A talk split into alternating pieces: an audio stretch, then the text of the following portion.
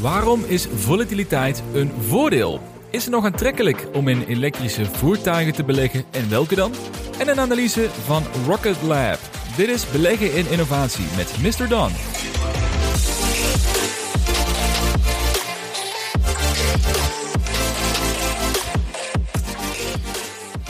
Leuk dat je luistert naar weer een nieuwe aflevering van deze podcast, waar de focus volledig ligt op het beleggen in innovatieve aandelen. En het was misschien niet het meest populaire thema in het laatste anderhalf jaar, maar ik begin te merken dat de schwung en ook de smaak voor risico langzaam meer begint terug te keren. Nou, zoals gebruikelijk voor de afleveringen van dit jaar gaan we allereerst een blik werpen op mijn portfolio. Het thema van 2023 is Zero to Hero. En het goede begin is het halve werk, dus hoe ver zijn we na drie weken tijd? Daarna hebben we een uh, iets diepgaander segment op de planning staan, namelijk een uitgebreide blik op de aandelen in de elektrische voertuigenindustrie. Ik durf te stellen dat dit uh, zo'n voor de hand liggende industrie is om in te investeren, ondanks dat veel beleggers er uh, de afgelopen jaar de brui aan hebben gegeven. Ook als je ziet hoe sterk de koersen zijn gedaald van praktisch alle aandelen in deze industrie. En waar je enkele jaren geleden enkel op Tesla had om in te investeren, is die keuze inmiddels reuze. Dus de afgelopen twee jaar zijn er ontzettend veel beursgangen geweest van EV-startups. Dus waar staan we inmiddels? Welke EV-bedrijven presteren goed? Welke vallen dan misschien tegen? Maar uiteindelijk natuurlijk de conclusie. Welke twee of drie EV-aandelen zijn wat mij betreft het meest aantrekkelijk op dit moment? En het heeft natuurlijk heel erg te maken ook met hoe jouw portfolio-strategie in elkaar zit. Maar ik ga er een paar benoemen en uh, misschien dat dat nog wat uh, ideeën bij gaat opleveren. En afsluitend gaan we naar uh, de sterren en daar voorbij. Want op Don's radar staat deze week het bedrijf Rocket Labs. Nou, zoals de naam al doet vermoeden, richt het bedrijf zich op het lanceren en het faciliteren van ruimtevaartschepen. Nou, als je het hebt over innovatie, dan is ruimtevaart absoluut één van de domeinen waar men al tientallen jaren over droomt. Maar we zijn er nog steeds niet. En misschien is Rocket Labs wel één van die toonaangevende bedrijven in de toekomst die ervoor gaat zorgen dat we over een tijdje wel structureel naar de maan en verder erbuiten kunnen komen. En dat dat hele heelal vol hangt met, uh, met satellieten en uh, dat soort mooie dingetjes. Dus we gaan bespreken of Rocket Lab misschien wel een interessant aandeel zou kunnen zijn op dit moment. Maar voordat we hier verder en dieper in gaan duiken, we starten natuurlijk met de disclaimer, want dit is geen financieel advies. Doe altijd je eigen onderzoek en beleg alleen met geld dat je ook daadwerkelijk kunt missen. En als je dit nou een toffe podcast vindt, deel hem met je vrienden. En je zou mij zeker helpen als je deze podcast een hoge score geeft in Spotify of in de Apple Podcast app. Om te starten, een update van het portfolio dit jaar. Hoe begint de Zero to Hero? Zijn we al een beetje op weg of is het nog steeds uh, tranen, tranen, tranen? Nou, het valt gelukkig mee. Of eigenlijk, het valt helemaal niet mee. Ik, ik mag eigenlijk helemaal niet klagen tot nu toe. Dus de afgelopen week was in de hele breedte van het portfolio eigenlijk een hele goede week. Uh, het rendement voor dit jaar staat nu op plus 19%. Zoals je misschien in de titel van deze aflevering al hebt kunnen zien ook. En de afgelopen week gaf een rendement van plus 23%. Nou, met name door Coinbase, die bijna 50% steeg in de afgelopen week. Nou, ook mijn twee grootste holdings deden het goed. Met de Desktop Metal, die plus 25% ging. En Canoe, die plus 20% ging. En dat is zeker niet voldoende om het verlies van vorig jaar te compenseren. Maar het is wel een mooie start van het jaar en een, een goed begin van eh, Zero to Hero in ieder geval. Ik moet wel toegeven dat ik nog niet overtuigd ben dat dit het begin is van een, eh, een langdurige rally. Ik denk dat de kans groter is dat dit een tijdelijke opleving is, dan dat in december in Amerika de portfolio's altijd geherbalanceerd worden en ook veel tax loss harvesting plaatsvindt. Nou, hierdoor worden verliesgevende aandelen verkocht en kunnen ze één maand later weer teruggekocht worden om voordeel te krijgen op hun belastingaangifte. Nou, dat heeft waarschijnlijk wat een negatieve koersdruk gezet op verliesgevende aandelen in 2022. Wat natuurlijk hoofdzakelijk in de groep van tech- en groeiaandelen zat. Nou, dat zorgt ook ervoor dat in december een flink aantal van dit soort aandelen hun 52 wekelijkse low hebben gemaakt. Maar ze overigens nu al behoorlijk sterk van aan het herstellen zijn geweest. Maar dit is niet de enige reden waarom ik verwacht dat dit uh, gaat doorzetten. Dat het niet gaat doorzetten eigenlijk.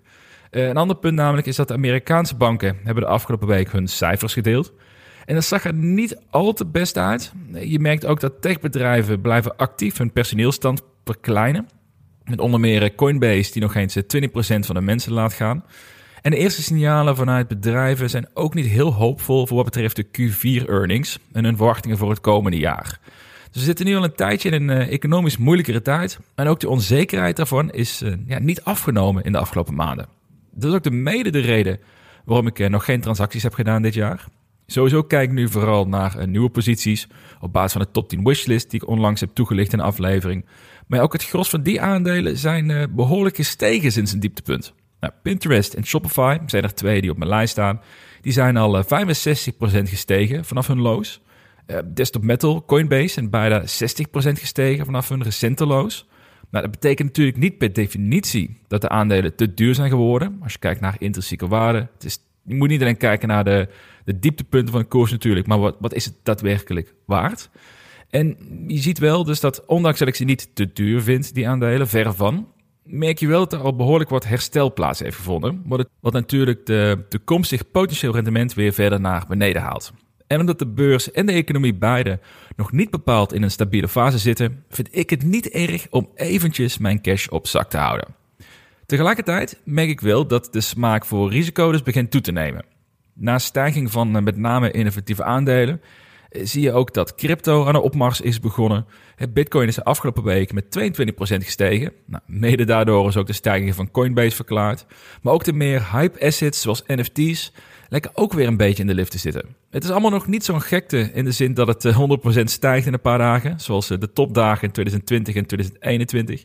Maar je merkt wel dat men iets meer gevoel voor risicovolle assets begint te krijgen. En we gaan natuurlijk meemaken of dat een, eh, een tijdelijke opleving is, of dat dit de komende weken weer een stap naar beneden gaat zetten. Dat het even ja, een relief rally klinkt misschien een beetje te zwaar, maar het, het, voelt voor mij meer als een opluchting dan dat er iets veranderd is fundamenteel waardoor dit uh, te verklaren valt. Maar natuurlijk, we gaan er niet over klagen. Het is een, eh, een goede start voor het nieuwe jaar voor innovatiebeleggers. Aandelen doen het goed, crypto doet het goed. En is ook een, eh, een fijn signaal om te merken dat de markt ook eens kan stijgen. Na, na afgelopen jaar, waar dat heel weinig het geval is geweest. Maar het blijven natuurlijk allemaal assets die binnen een week ook weer 30% kunnen gaan dalen. Dus we moeten niet, niet te euforisch worden na één goede week. Daarover kreeg ik trouwens wel een goede vraag van, uh, van Bela. Iemand waar ik trouwens enorm jaloers op ben. Want uh, hij gaf aan, hij is 19 jaar en hij is direct op zijn 18e begonnen met beleggen. Nou, dan heb je het echt goed voor elkaar wat mij betreft. Hij heeft een vraag over de hoge volatiliteit in mijn portfolio. Hij zegt dat zijn grootste les uit 2022 was dat hij een te hoge beta-exposure had in een markt waarin dat niet handig was. En dat hij bewust nu zijn beta voor dit jaar vanwege alle onzekerheid naar beneden heeft gebracht. En hij vraagt zich af of ik eh, zijn angst over beta deel en hoe ik hiermee omga. Nou, om te starten, wat is beta? Uh, beta is de maatstaf van volatiliteit. Dus een beta onder de 1 betekent dat je portfolio en de aandelen eigenlijk daarin minder hard bewegen dan de markt zelf. En een beta boven de 1 betekent dat je portfolio volatieler is dan de markt. Oftewel, de koers beweegt heftiger beide kanten op. Dus dat kan betekenen dat die aandelen met een hoge beta, die worden traditioneel gezien als uh, risicovollere aandelen, omdat ze veel meer bewegen. Maar tegelijkertijd kunnen ze ook meer rendement opleveren. En ik merk dat uh, Bela een uh, doordachte belegger is, die zichzelf ontzettend goed heeft ingelezen in hoe de markt werkt. En ook hoe je een portfolio moet samenstellen. Als je op je 19 al bezig bent om rekening te houden met beta in je, in portfolio. En ik denk ook als je een belegger bent die juist stabiel de komende 30, 40 jaar met beleggingen bezig wil zijn, dan is het zeker een interessant iets om te weten hoe hoog de beta van jouw portfolio is, om te weten ook hoeveel risico je loopt. Of de potentie van de risico wat je loopt. En dan met name hoe volatiel het kan zijn in uh, goede en een minder goede periodes. Nou, persoonlijk, om daar antwoord op te geven, de vraag van, uh, van Bela, is het iets waar ik me zorgen over maak. Persoonlijk vind ik volatiliteit geen nadeel, maar ik vind het juist een kracht van een aandeel. Ik zou bijna durven zeggen, hoe hoger de beta, hoe beter. De reden hiervoor is dat ik beta beschouw als de mate hoe vaak ik de kans aangeboden krijg om een aandeel te kopen als die goedkoop is. En hoeveel kans ik krijg om te verkopen als die relatief duur is. Nou, laten we bijvoorbeeld een, uh, laten we hem concreet maken. Laten we uh, Coinbase pakken bijvoorbeeld. Dat is een aandeel met een beta van 2,5 in de afgelopen twee jaren. En daarmee een van de meer volatielste aandelen in mijn watchlist van 50 aandelen. Nou, de range waarin Coinbase is verhandeld in de laatste zes maanden is gigantisch. In augustus, afgelopen augustus, tikt hij de 100 dollar aan, de koers. Eind december was het bijna 70% gedaald. Toen was het nog maar 32 dollar waard. En nu een maand later is het weer ruim 50% gestegen naar 50 dollar. Ik heb veel liever zo'n aandeel dan een aandeel zoals een PepsiCo. PepsiCo heeft een lage beta van 0,5. Die beweegt veel minder hard mee dan de markt zelf. Dus als je kijkt, in de afgelopen zes maanden is het aandeel gegaan van 180 dollar naar een dieptepunt van 161 dollar. Nou, dat is, dat is iets meer dan 10%. En naar een nieuw hoogtepunt van 182 dollar. Ja, dat is een range van 15% tussen een hoogtepunt en een dieptepunt in de laatste zes maanden. Dat is ontzettend prettig als je een belegger bent die juist het, eh, de risico en de koersbewegingen zo laag mogelijk wilt houden. Maar als je een belegger bent zoals ik en je wilt veel actiever daarmee bezig zijn, je hebt een geconcentreerd portfolio, je weet wat de waarde is van de aandelen die je bezit, dan kies ik veel liever voor een Coinbase, omdat ik daarmee meerdere kansen ga krijgen om aantrekkelijk dus te kopen en te verkopen, omdat de koers veel sneller beweegt. Dus wat mij betreft is volatiliteit en dus een hogere beta is een kracht van een portfolio, mits je strategie daarop is aangesloten. Goed voor beleggers en innovatie die echt op de lange termijn erin zitten en ook durven te kopen als een aandeel laag staat, die heel goed weten wat ze bezitten. En daardoor dus ook veel kansen krijgen om te kunnen verkopen bij hype en te kunnen kopen bij maximale angst. Maar als je liever koersdalingen voorkomt, als je liever een stabiel portfolio hebt, een gespreid portfolio hebt, dan is een lage beta van je portfolio wel in meerwaarde. Dus het moet passen bij stijl en bij je strategie. Maar ik sowieso een hele interessante vraag van eh, Bela, dus uh, dank je wel daarvoor. Uh, nogmaals, ontzettend tof dat je op je achttiende begonnen bent met het beleggen. Ik denk dat heel veel mensen daar jaloers op zijn. Ik wel in ieder geval. Uh, het is wel interessant misschien voor jezelf, degene als je de, deze podcast luistert, om uit te zoeken wat de beta is van jouw portfolio. Nou, tot zover mijn portfolio-update en mijn beeld bij beta en volatiliteit. Dan is het tijd voor een, een beetje verdieping in deze aflevering. En dat gaan we deze week doen door te praten over elektrische voertuigenaandelen. Nou, dat vind ik persoonlijk een heel interessant segment om over te praten. Het is een industrie waar veel zaken in samenkomen. Allereerst, iedereen heeft een mening over auto's en hun favoriete automerk. Je hebt daarnaast dat elektrische auto's worden sterk gestimuleerd vanuit de overheden, onder andere vanwege een rol in een meer klimaatvriendelijkere wereld. Het is enorm een opkomst, veel mensen praten erover, steeds meer mensen rijden elektrisch. De kans is ook groot dat, uh, dat jij in jouw persoonlijke leven meerdere mensen kent die elektrisch rijden, of dat je misschien zelf elektrisch rijdt of een voorkeur hebt voor een van die merken. En dat men erover praat, dat is logisch en terecht. Het is gewoon iets wat uh, duidelijk onderdeel is van de nieuwe wereld, laat ik het zo, zo heel cool noemen. Maar je merkt wel bij beleggers dat het laatste jaar iets is veranderd. Dit was misschien wel het domein van 2020 en 2021 om in te investeren. Tesla maakte een enorme opmars. De koers was vanaf de coronabodem tot eind 2021 met 1200% gestegen. Nou, ik denk dat iedere belegger van die periode zich nog wel herinnert van hoe onverslaanbaar Tesla leek op dat moment en hoe ongelimiteerd de steun van het aandeel was. Zelfs als eh, Elon Musk zei dat het, dat het aandeel overgewaardeerd was, het maakte er steeds weinig uit. Het werd steeds gekocht als een malle. En het was niet alleen de, de koersstijging van Tesla wat dit een interessante periode bracht, maar ook omdat er in deze tijd heel veel nieuwe EV-bedrijven naar de beurs zijn gegaan. Eh, met name gedragen door de populariteit rondom specs op dat moment. Eh, Lucid Motors was een van de meest gehypte bedrijven in Amerika rondom EV's van dat moment. Zij maakte een beursgang via een spec. Rivian, denk samen met Lucid en met Tesla, gezien als de Amerikaanse challengers op de markt. Zij gingen via een IPO naar de beurs. En daarbij kwamen ook legio aan startups en internationale EV-makers die ook beursgenoteerd werden. Nou, Polestar is een bekende, zeker hier in Europa.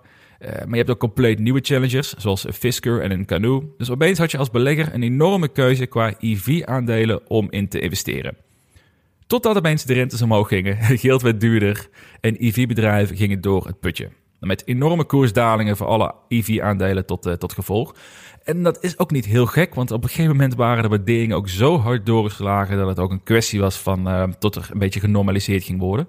Ik meen zelfs dat op een gegeven moment was uh, Lucid meer dan 70 miljard waard. Volgens mij is Rivian zelf heel kort meer dan 100 miljard waard geweest. Terwijl ze bijna nog geen auto's op de weg hadden rijden. Dus het was niet gek dat daar een correctie in ging plaatsvinden. Maar dat betekent natuurlijk wel, of dat betekent de uiteindelijk, dat heel veel beleggers een beetje hun, hun, hun, hun liefde of een smaak voor EV-aandelen hebben verloren. Omdat ze gemerkt hebben dat de koersen flink dalen.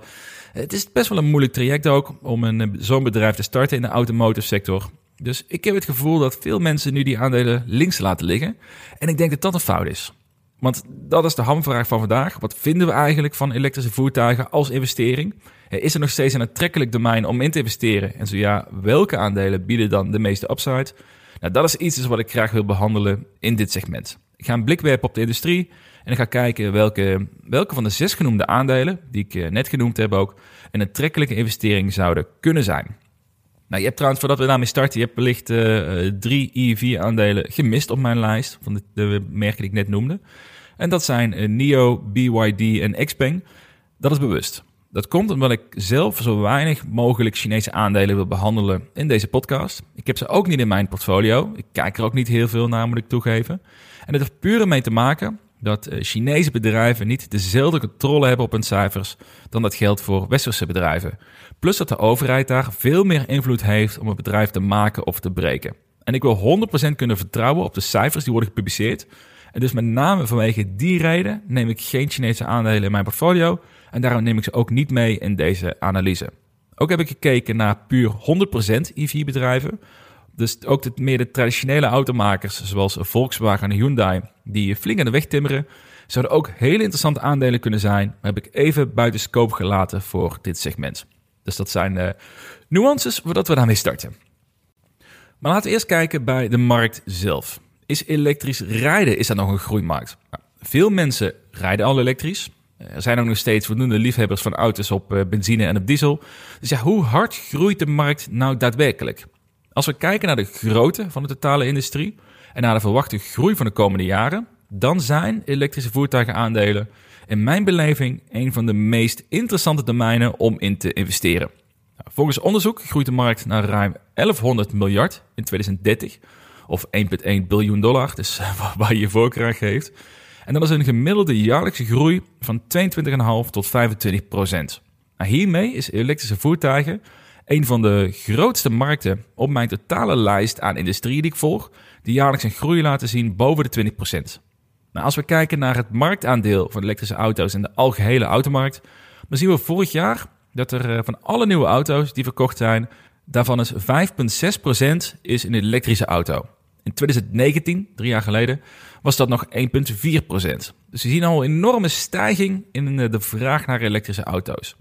In Noorwegen, misschien wel het best voorbereide land voor EV's, zijn zelfs 86% van alle nieuw verkochte auto's zijn elektrisch. Dus de uitdaging, de uitdaging is niet de vraag van aan het product. De uitdaging is meer het aanbod van het product. Veel elektrische autofabrikanten hebben het afgelopen jaar moeite gehad om voldoende productie te draaien. En nog steeds zijn er wereldwijd in 2022 zo'n 63% meer elektrische voertuigen verkocht dan het jaar daarvoor. En zelfs 242% meer dan in 2020. En dan moet je ook nog voorstellen dat er een heleboel verbeteringen aankomst zijn. Met onder meer uh, meer en snellere oplaadpunten, uh, betere batterijen, waardoor ook uh, range anxiety iets van het verleden zou moeten gaan zijn binnen nu en drie jaar. de prijzen worden steeds lager voor elektrische auto's. Dus het is simpelweg, en dat durf ik in dit geval wel te stellen, het is simpelweg een garantie dat deze markt de komende jaren fors blijft groeien. En dan is natuurlijk super lekker als belegger dat je weet dat je alles mee hebt zitten voor de markt om een flinke groei te laten zien waar iedereen van kan profiteren. Want hieruit constateer ik ook dat dit een aantrekkelijke markt is om in te investeren, ook omdat de marktgrootte significant genoeg is voor meerdere EV-bedrijven om komende jaren voor zijn omzet te blijven groeien. Dit is geen winner-takes-all markt. Zoals je dat bij uh, sommige andere aandelen, sommige andere industrieën ziet. die simpelweg te klein zijn en niet hard genoeg groeien om alle aanbieders overeind te houden. Nou, elektrische voertuigen, die industrie heeft dat wel. En dat zorgt ervoor dat dit dus een hele nou, vruchtbare bodem is om in te beleggen. Dus dat is al een vinkje. De markt is super interessant, het groeit hard en het gaat de komende jaren hard blijven groeien. Maar dan, welke aandelen zijn dan aantrekkelijk om in te investeren? Nou, ik heb gekeken naar zes aandelen. Ik zei het al, Tesla, Lucid Motors, Rivian, Polestar en ik heb ook Fisker en Canoe meegenomen in die overweging. En uiteraard ken ik niet ieder aandeel tot in de detail, maar ik heb wel een paar cijfers gevonden die een, eh, een goed inzicht kunnen geven in de onderlinge verhoudingen. En ik heb ook nagedacht, ja, wil ik hier, hoe uitgebreid wil ik het hierover hebben? Wil ik echt kijken naar de marges per bedrijf, de verkoop per bedrijf, de projecties voor de komende jaren? Nou, dat vind ik allemaal net iets te, iets ingewikkeld, want dan zou dit segment zou dan zeker een uur gaan duren. Dus dat is misschien niet helemaal lekker als je deze podcast op maandagochtend luistert, om dan met zoveel cijfers om de oren geslagen te worden. Dus wat ik heb gedaan, ik heb gewoon globaal gekeken naar deze zes aandelen. Ik heb gedestilleerd over wat ik interessant vind. Eh, ik heb ze in groep opgedeeld en ik heb gekeken naar welke type aandelen zouden interessant kunnen zijn bij welk type portfolio. Nou, allereerst als je kijkt naar uh, autoverkoop, hier zie je al duidelijk drie groepen in ontstaan. Je hebt Tesla, die al een gigant is op dit vlak. Ze hebben 1,3 miljoen auto's verkocht in 2022 wereldwijd. Dus dit is ongetwijfeld de, de huidige koning van de markt en dan zal het ook niet snel gaan afstaan. Je hebt één serieuze challenger van Tesla op het moment.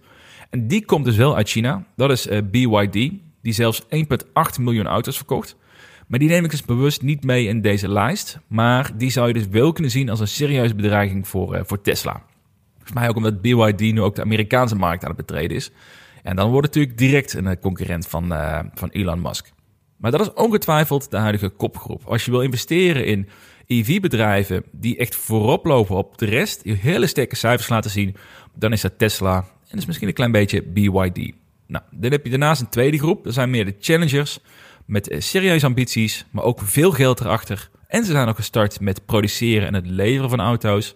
Nou, dat zijn uh, Rivian, Lucid Motors en Polestar. Nou, Polestar, misschien de meest bekende voor Europeanen in deze lijst, is onderdeel van uh, Volvo en de Chinese Geely Group. Dus ik heb besloten dat het nog net wel in deze lijst mag, omdat ook Volvo erbij betrokken is als een Zweeds bedrijf. Maar ze hebben 50.000 auto's verkocht in het afgelopen jaar.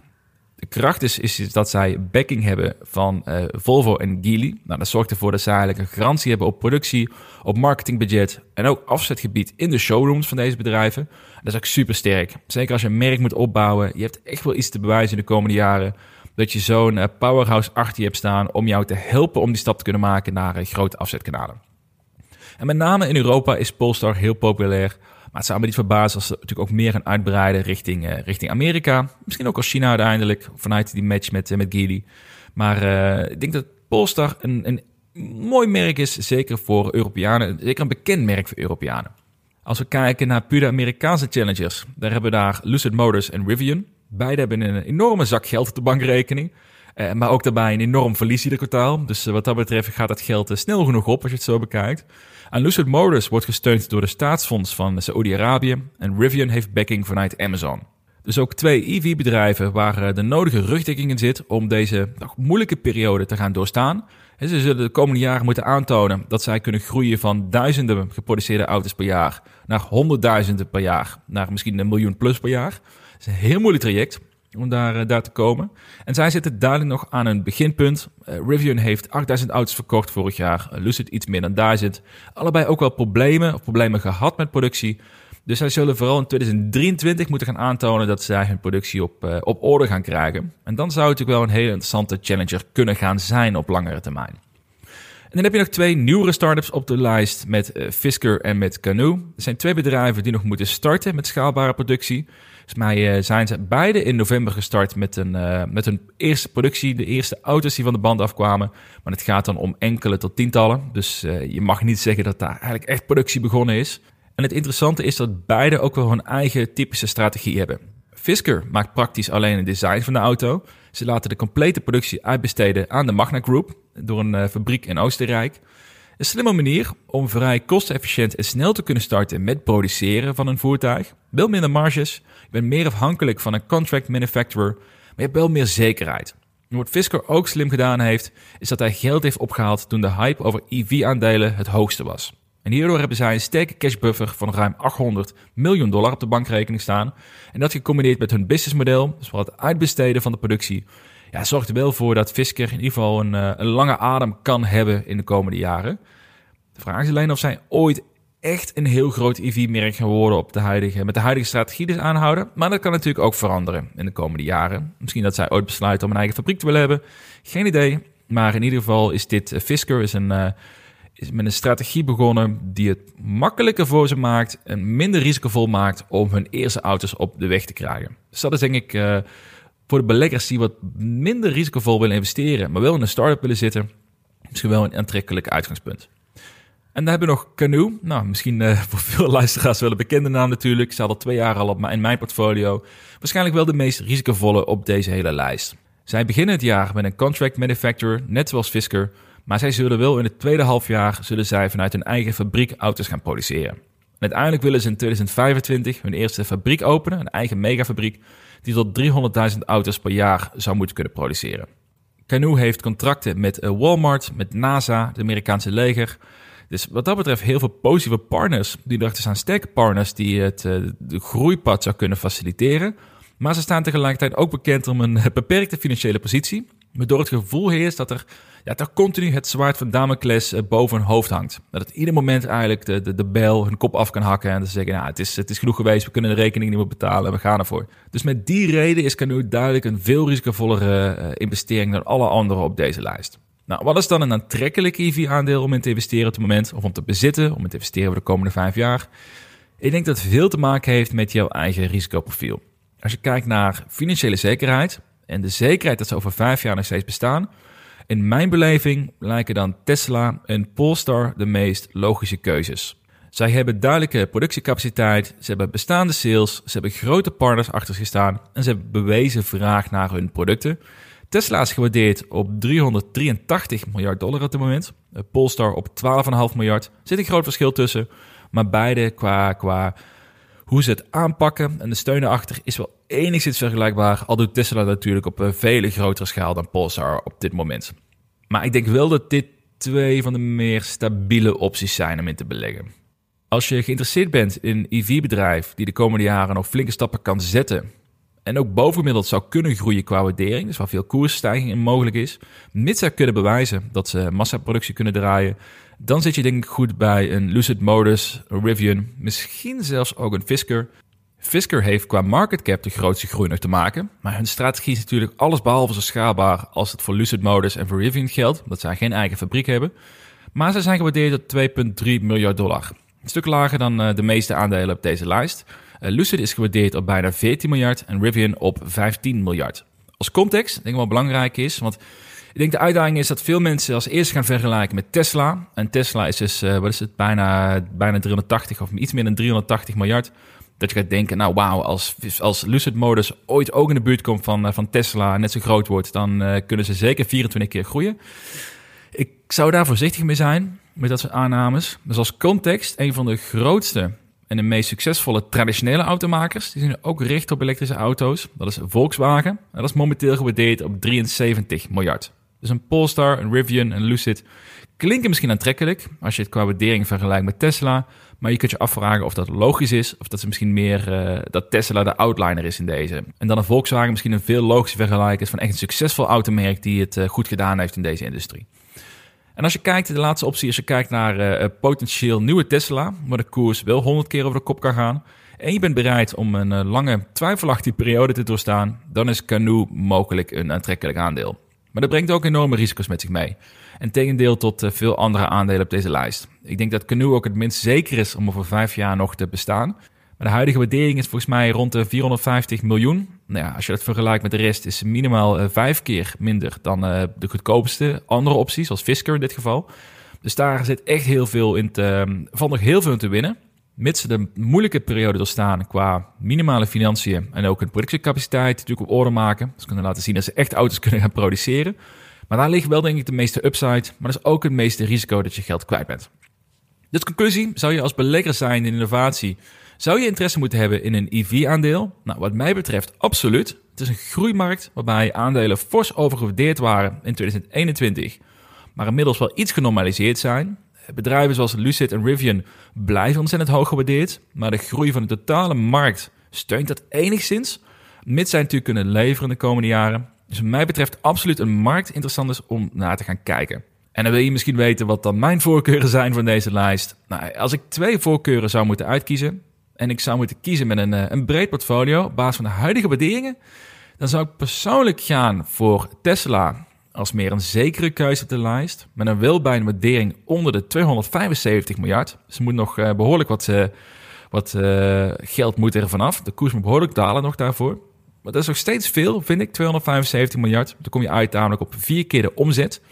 Maar dat is oké als we hun groei kunnen vasthouden. En ook rekening houden met de toekomst. Misschien met zelfrijdende auto's, batterijtechnologie. Als we dat van de grond krijgen. Dus dat zou dan misschien interessant kunnen zijn. Maar dan moet de koers echt nog wel een stuk verder dalen dan wat het op dit moment is in mijn beleving. En ik zou dat aanvullen met één challenger. Oftewel Lucid Motors. Omdat ik denk dat de fondsen vanuit Saudi-Arabië hen zodanige boost gaan geven. Dat ik verwacht dat zij ontzettend snel en hard kunnen gaan schalen. Of als je iets meer pittigere keuze wilt maken, eh, dan zou ik gaan voor Canoe. Nou, je verwacht het niet natuurlijk. Enorm risico, maar ook een enorme upside in de komende jaren als ze wel kunnen leveren. Dan maakt het denk ik wel een aantrekkelijk aandeel om iets meer te kunnen speculeren naast een solide portfolio. Dus dat, ehm, dat is denk ik een kans in dat opzicht. En mocht je zelf geen moeite hebben met Chinese aandelen, nou, dan heb je met BYD heb je nog een gigant die de komende jaren Tesla echt fors gaat challengen. Je zou ook aan NIO kunnen denken, ook een aantrekkelijk aandeel met ruim 122.000 verkochte auto's vorig jaar. En met ook interessante ideeën over batterijwisselen. En zelf met name een enorm sterk merk in China. Het is echt een luxe merk daar, dus dat is wel iets om rekening mee te houden. In ieder geval volgens de cijfers die zij communiceren. dus dat is altijd een klein vraagteken. Dus wat mij betreft, onderaan de streep, een ontzettend aantrekkelijk domein om in te investeren. En meer dan genoeg keuze voor beleggers om te kiezen welk aandeel goed bij hun portfolio past. Hierover kreeg ik wel nog een vraag van, uh, van Paulus via Twitter. En hij richt zich met name op de materialen om elektrische auto's te maken. Zowel qua beperkte beschikbaarheid als de herkomst ervan. Uh, lithium bijvoorbeeld is een onmisbare grondstof in het maken van de batterijen. Maar dit wordt voor 75% eh, in Chinese raffinaderijen wordt dat verwerkt. Het is een relatief zeldzame grondstof ook nog eens een keer. En Paulus vraagt zich af of wij als westerse landen daar niet iets mee moeten. Ook vanuit de ESG-oogpunt. En ik vind het wel een lastige vraag, omdat ik dit eigenlijk meer een vraag is op moreel gebied. moeten we stimuleren dat mensen worden uitgebuit in landen zoals in China of in Afrika, waar ze met de duizenden tegelijk graven naar grondstoffen voor een paar cent? Ja, natuurlijk moeten we dat niet willen. Maar is de hele westerse wereld en de westerse economie gebouwd op die afhankelijkheid? Dat is ook het geval. En niet alleen bij EV's, maar bijvoorbeeld ook voor, uh, bij Apple. Zij verkrijgen ook veel grondstof op deze manier voor hun producten. En dat is geen geheim dat dit het geval is. Dus ieder liter zoek je naar manieren om uh, grondstof te krijgen op een redelijke manier. Er is ook lithium in landen zoals Australië en in Chili. Maar ja, is dat voldoende voor de vraag van de westerse wereld? Oftewel, ik vind dat lastig om te beantwoorden. Hij vraagt zich sowieso af hoe duurzaam elektrische auto's echt zijn. En ik denk dat dat sowieso nog een aparte discussie is die gevoerd mag worden. Daar kan je op bepaalde vlakken echt wel uh, je vraagtekens bij zetten. Qua opwekking van de stroom en het verkrijgen van de grondstoffen. Maar dat is weer een hele andere discussie. Maar ik denk wel dat als je puur kijkt naar de vraag van Paulus, zouden daar iets mee moeten? Idealiter wil. Maar ik denk dat we de afhankelijkheid van dit soort landen dat gewoon nog niet los kunnen laten. Willen we kunnen blijven leven zoals wij gewend zijn? En dat is toch iets wat je merkt. Eh, in het Westen zijn we natuurlijk ontzettend verwend. We hebben echt een consumptiemaatschappij. En uh, ik denk dat het mensen vaak stemmen met een portemonnee. Dat ze A zeggen en B doen. En als je kijkt wat ze uiteindelijk kopen qua producten, dat ze het toch lekker vinden om 5 euro goedkoper uit te zijn dan te kiezen voor uh, het product waar de materialen wel uh, wat uh, duurzamer in verwekt zijn. Maar goed, dat is meer een maatschappelijke kwestie. Daar gaan we het niet te veel over hebben in deze podcast, want we willen het hebben over beleggen. Maar tot dus zover over elektrische auto's. Ik heb al eerder gesproken over het portfolio, de impact van volatiliteit op het portfolio. We gaan door met het laatste onderdeel van de aflevering. En dat is uh, Don's Radar. En deze week gaan we op naar de sterren en daar voorbij.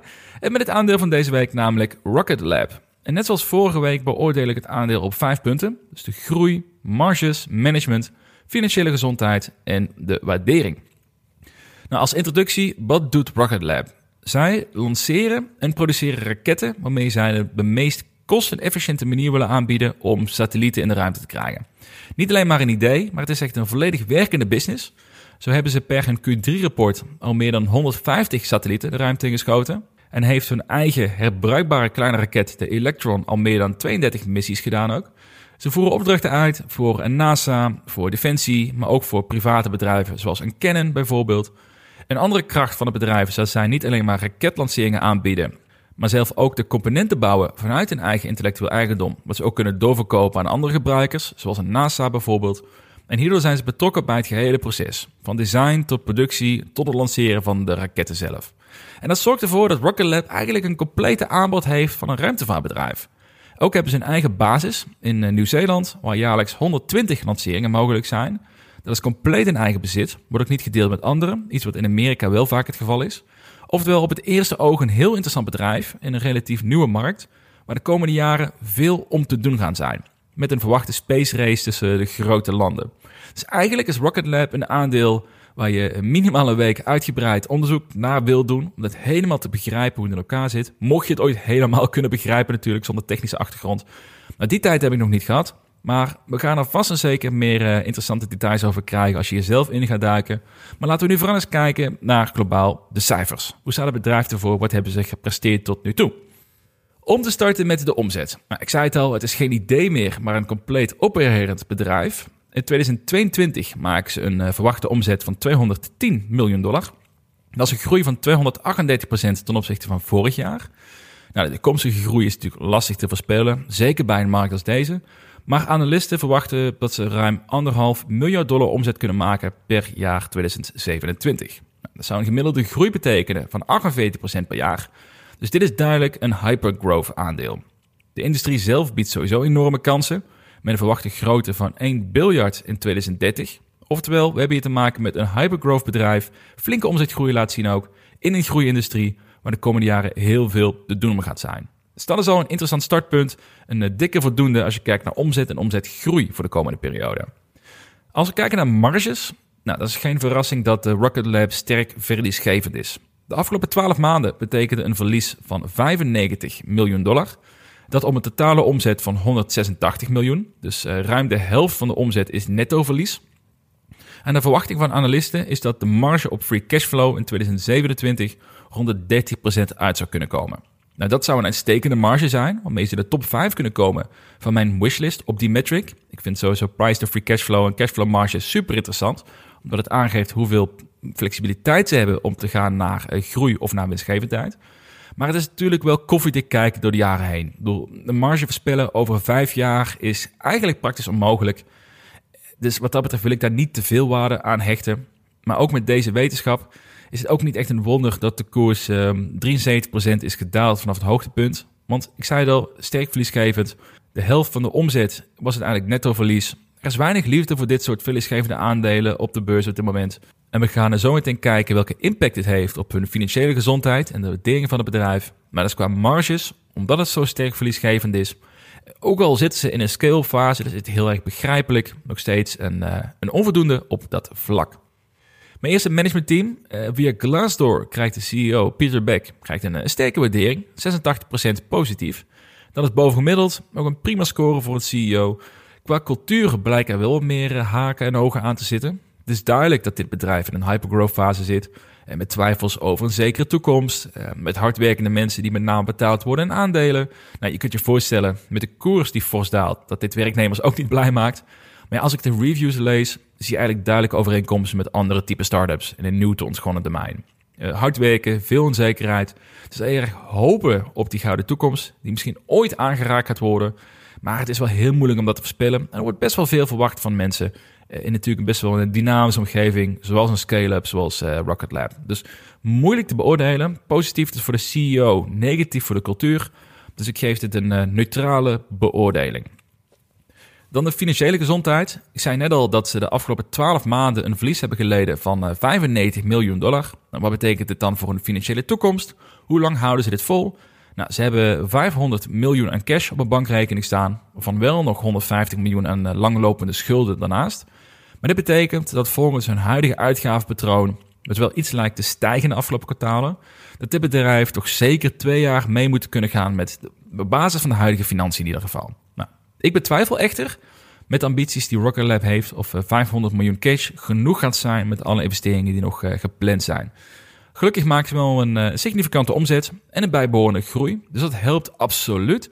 Maar het zou mij niet verbazen als Rocket Lab in de komende twee jaar nog een keer eh, extra geld moet ophalen via een lening of eh, via verwatering van de aandelen. Hier gaat de koers natuurlijk ook een rol mee spelen, aangezien ze aanzienlijke stock-based compensation aanbieden aan hun werknemers. Nou, hoe lager de koers, des te meer aandelen uitgegeven moeten worden, dus hoe hoger de verwatering voor aandeelhouders. Maar ja, overal geen zorgen over hun directe toekomst. Twee jaar is ook eh, lang genoeg voor de markt om te kunnen herstellen. Misschien meer positiever te zijn over dit soort aandelen. En ze hebben ook de omzetgroei om dat uh, te kunnen doorstaan in die periode. Dus wat mij betreft een voldoende qua financiële gezondheid. En afsluitend de waardering. Is Rocket Lab dan aantrekkelijk gewaardeerd op dit moment? Het is ontzettend lastig voor dit soort bedrijven om daar een fair value voor uit te rekenen. Je moet het doen met minimale data. Je hebt veel aannames, je hebt veel verwachtingen. En vertel mij maar eens hoe de ruimtevaartindustrie zich gaat ontwikkelen in de komende jaren. Dat is zo'n ingewikkelde materie. Het is ook de terechte vraag of je wel moet willen investeren in dit soort aandelen, zonder echt kennis te hebben van de technologie en de industrie. En als we onze favoriete tool Finbox gebruiken, die op basis van eh, discounted cashflow een fair value berekent, komen we uit op een intrinsieke waarde van 4,5 dollar per aandeel. Nou, momenteel is de koers iets onder de 5 dollar, dus dat zou suggereren dat het aandeel licht overgewaardeerd is. De huidige market cap is 2,3 eh, miljard dollar. Dat is meer dan 10 keer de verwachte omzet van dit jaar. En ik kan me er ergens wel in vinden dat het aandeel op dit moment te duur is. Zeker in de huidige marktomstandigheden, waar dit soort aandelen met deze groei eerder twee tot vijf keer sales worden gewaardeerd in de tijd dat ze verliesgevend zijn, lijkt dit aandeel nog wel iets verder te kunnen gaan zakken. Of in ieder geval eh, andersom gezegd, ik denk dat er puur kijkende naar waardering en groei, dat er aandelen zijn die aantrekkelijker geprijsd zijn dan eh, Rocket Lab. Dus wat dat betreft een onvoldoende op gebied van waardering. Dus concluderend over Rocket Lab, eh, twee voldoendes, één neutrale beoordeling en twee onvoldoendes. Voor mij zeker een interessant bedrijf en een domein om in de gaten te houden. Ik moet mij hier wel veel meer verdiepen voordat ik de business echt ga snappen. Uh, twee jaar geleden was ik ontzettend fan van het bedrijf genaamd Momentus. Was een bedrijf die ook uh, met een ruimteservice, die satellieten goed kon plaatsen in de ruimte en ze gelanceerd waren. En dat bedrijf heeft eigenlijk vanaf dat moment vooral problemen gekend sinds zijn IPO. Dus het blijft ontzettend lastig om in te schatten wat dit soort bedrijven gaan doen in de komende jaren. Ook in te schatten wat is nou een goed bedrijf en wat niet.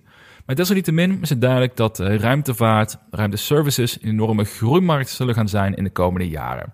Voor mij is Rocket Lab nu dan geen aantrekkelijk aandeel, maar wel eentje die ik op mijn longlist houd om te blijven volgen hoe zich dit gaat ontwikkelen. En misschien vind jij deze industrie zo aantrekkelijk dat jij wel geïnteresseerd bent geworden. In dat geval uh, heel veel plezier met het uitvoeren van je eigen onderzoek. En dat zou ik graag willen horen op Twitter of op Instagram of uh, via de website. Uh, wat jij ervan vindt wat jouw bevindingen zijn van Rocket Lab. Alright, dit was de aflevering weer voor deze week. Doe mij een plezier geef de podcast een mooi cijfer in de Apple Podcast app en in de Spotify app. En dan uh, graag tot de volgende week.